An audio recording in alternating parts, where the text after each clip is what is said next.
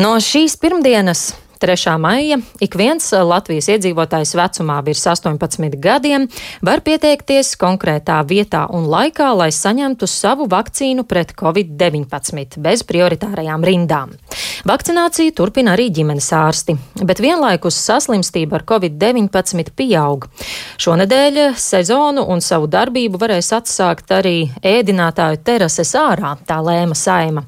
Par situāciju koalīcijā un vakcinācijas procesu šorīt Šorīt sarunāšos ar veselības ministru Danielu Pavļutu no attīstībai par. Labrīt! Labrīt! Pagājušā nedēļa tātad koalīcijas pārstāvis saimā ignorēja valdības lēmumu divas nedēļas nepārskatīt pandēmijas ierobežojumus un lēma ļaut strādāt ēdinātāju terasēm. Premjers Par to jau ir teicis, ka saima ir sākusi iet savu individuālu ceļu. Prezidents to vakar nosauca par parlamentāro negadījumu. Ir izskanējis, ka tagad pēc valsts svētkiem koalīcijas partneri varētu apspriest tālāko sadarbību un iespējams vienoties par izmaiņām valdībā un koalīcijā. Kādas ir indikācijas, kādas izmaiņas varētu būt? Nu, es droši vien negribētu aizteikties notikumiem priekšā un, un runāt par kādām neizbēgamām izmaiņām. Tas, kas notika pagājušajā nedēļā saimā, es domāju, atspoguļo vairākas lietas. Nu, pirmkārt, to, ka tomēr līdz šim ikdienā krīzes vadība ir bijusi valdības uzdevums, tad tādam būtu jābūt. Līdz ar to attiecīgi arī valdības pārstāvji biežāk tieks ar epidemiologiem, vairāk uzklausa šo informāciju un attiecīgi rīkojas atbilstoši tam, kā uzskata par vislabāko tajā brīdī. Iespējams, ka ir pietrūcis kādas komunikācijas ar, ar, ar saimnu, varbūt ar saimnes valdības veidošanu frakcijām. Tas varētu būt tāds viens iemesls. Nu, otras, droši vien ir arī atsevišķas valdību veidojušās frakcijas, kas ir jūtas salīdzinoši neapmierinātas ar, ar to situāciju, kas šobrīd ir izveidojusies. Līdz ar to Es katrā ziņā sagaidu no ministra prezidenta, kurš ir tas, um, tā amatpersona, kurai ir jānāk ar priekšlikumiem par uh, to, kā nodrošināt valdības stabilitāti. Un, un, un šāds priekšlikums mēs būsim gatavi uzklausīt. Katrā ziņā mūsu politiskās spēks uzskata, ka ir nepieciešama stabila valdība, krīze nav beigusies, un attiecīgi mēs uh, centīsimies visiem iespējamiem līdzekļiem valdības stabilitāti atbalstīt. Bet vai šāds lēmums un rīcība no saimas puses nenozīmē neusticību valdībai un tās lēmumiem? Es domāju, tas, ko tas pilnīgi noteikti atspoguļo, ir tas, ka saima atspoguļo daļas sabiedrības um, patiešām lielo nogurumu no, no Covid-19 ilgstošiem ierobežojumiem un, un drošības pasākumiem. Nu, vienīgais, nu, es izmantošu katru iespēju atgādināt, ka šo pasākumu jēga ir pasargāt cilvēkus no saslimšanas ka tie nav ierobežojumi, ierobežojumi pēc. Jēga ir pasargāt cilvēkus no palielināta riska, no saslimšanas un, un viss, kas no tā izriet. Cits starpā no tā, ka šie ierobežojumi paliks spēkā ilgāk. Diemžēl šobrīd Latvijā saslimstības līmenis atkal ir, ir salīdzinoši augsts, augstāks nekā Eiropas vidējais. Mēs ejam pretējā virzienā. Eiropā caurmērā šī saslimstība mazinās, tad Latvijā tā iet uz augšu, un tā nav laba situācija.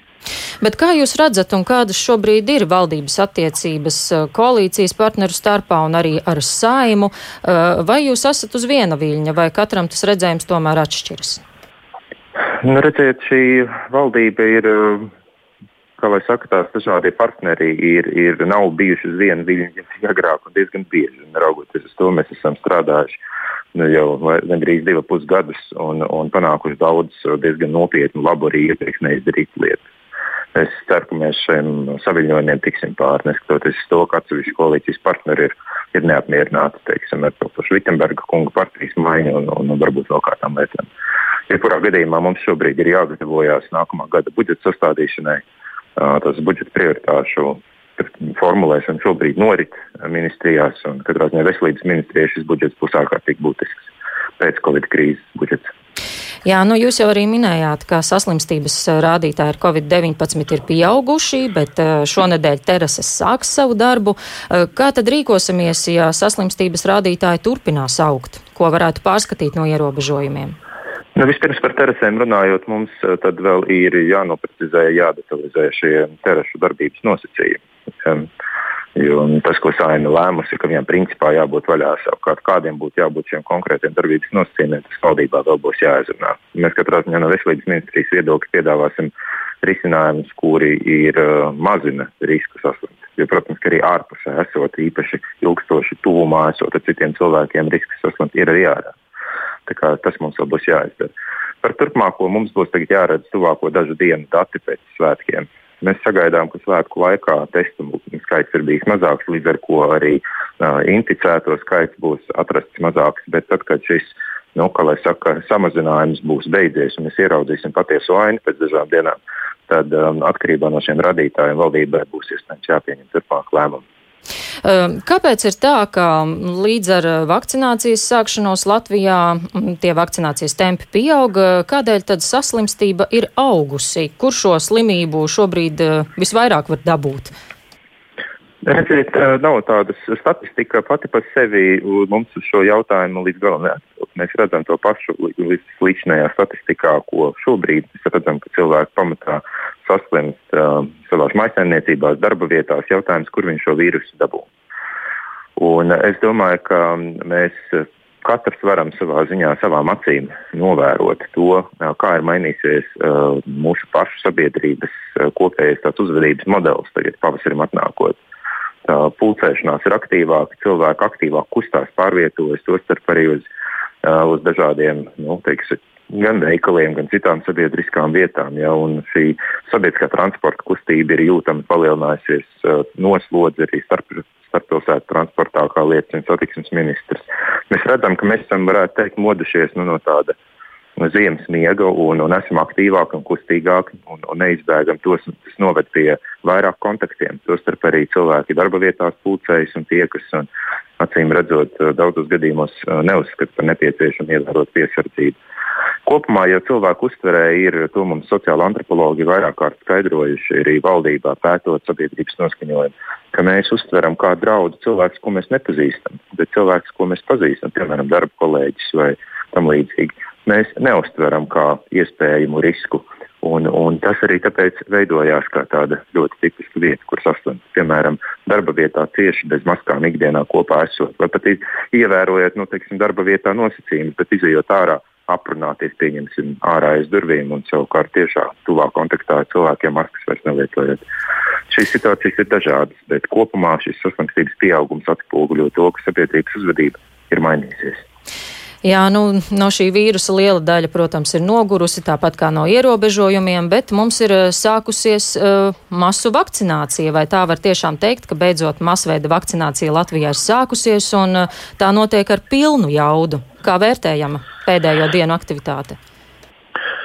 Nu, teiksim tā, mas, masu vakcinācijas posms pilnīgi noteikti sācies. Tam ir vairākas pazīmes. Nu, pirmkārt, šobrīd mums darbojās visi iespējamie vakcinācijas veidi. Ja, tad, tad gan uh, ģimenes ārsta, ārstniecības iestādes aktīvi vakcinē, gan uh, lielie masu centri darbojās, nu, ir iedarbināti faktiski visa veida centri, ir izmēģinājuši savu darbību un turpmāk pēc nepieciešamības strādās arī darba dienās, cik tas būs uh, nepieciešams atbilstoši vakcīnu pasūtījumiem un pieteikumiem.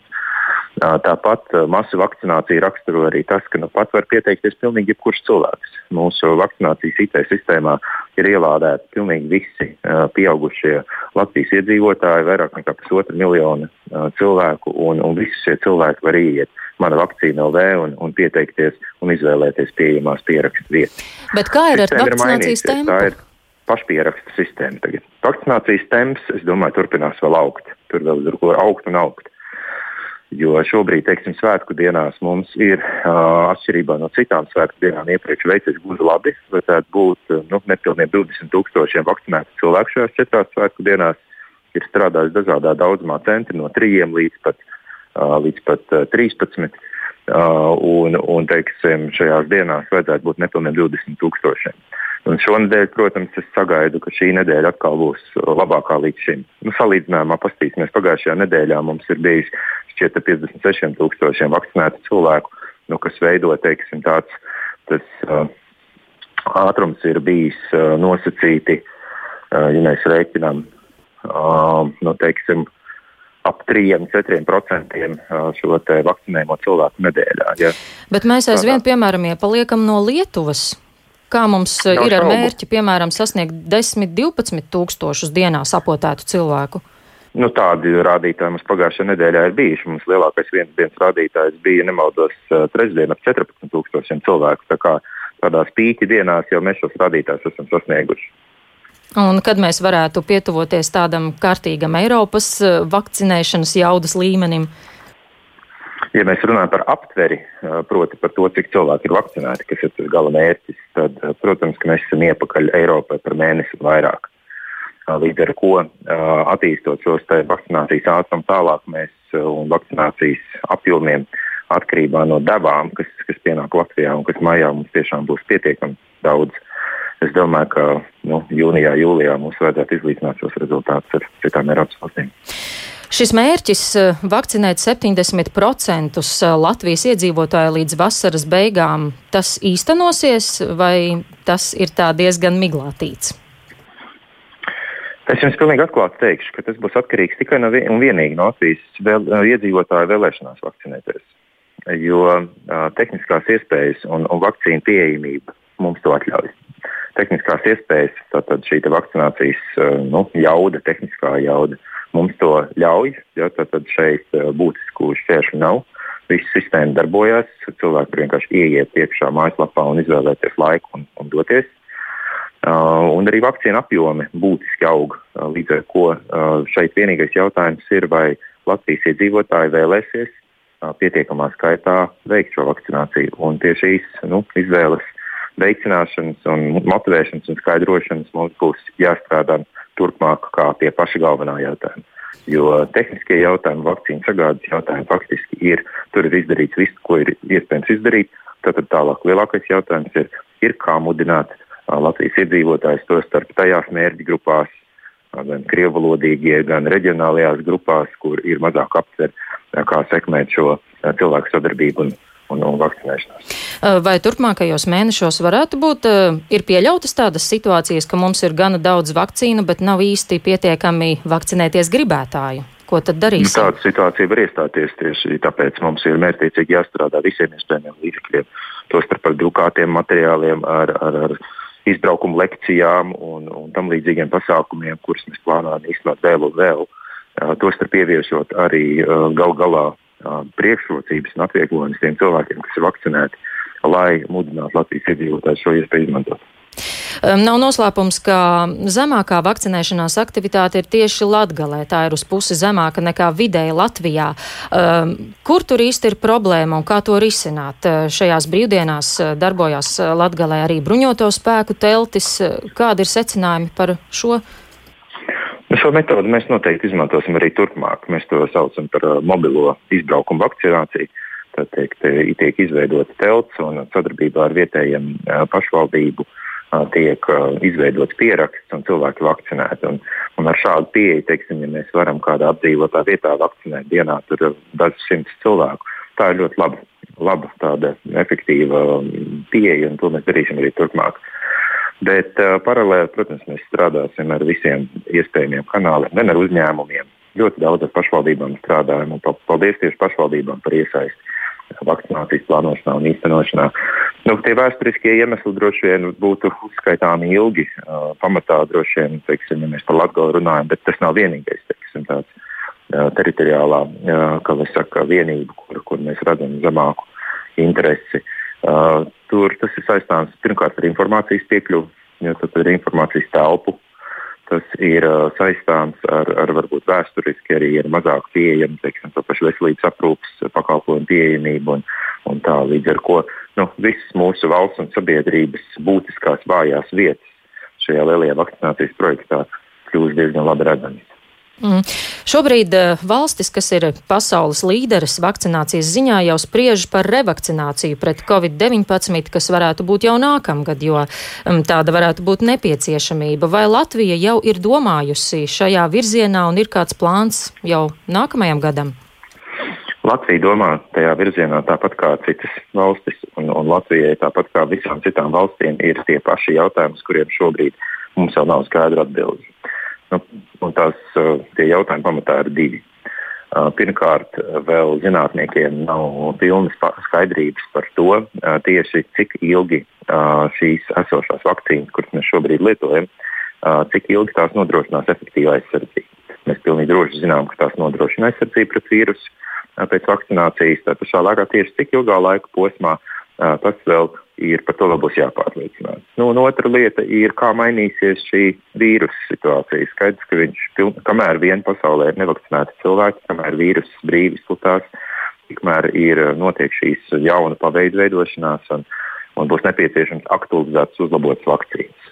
Pie uzlabotām vakcīnām ražotāji strādā. Mēs zinām, ka gada beigās būs jau pirmie uzlabotie jaunie vakcīnu veidi. Arī Latvijai tie būs potenciāli pieejami. Latvija ir pieteikusies, ko iegādāties jau?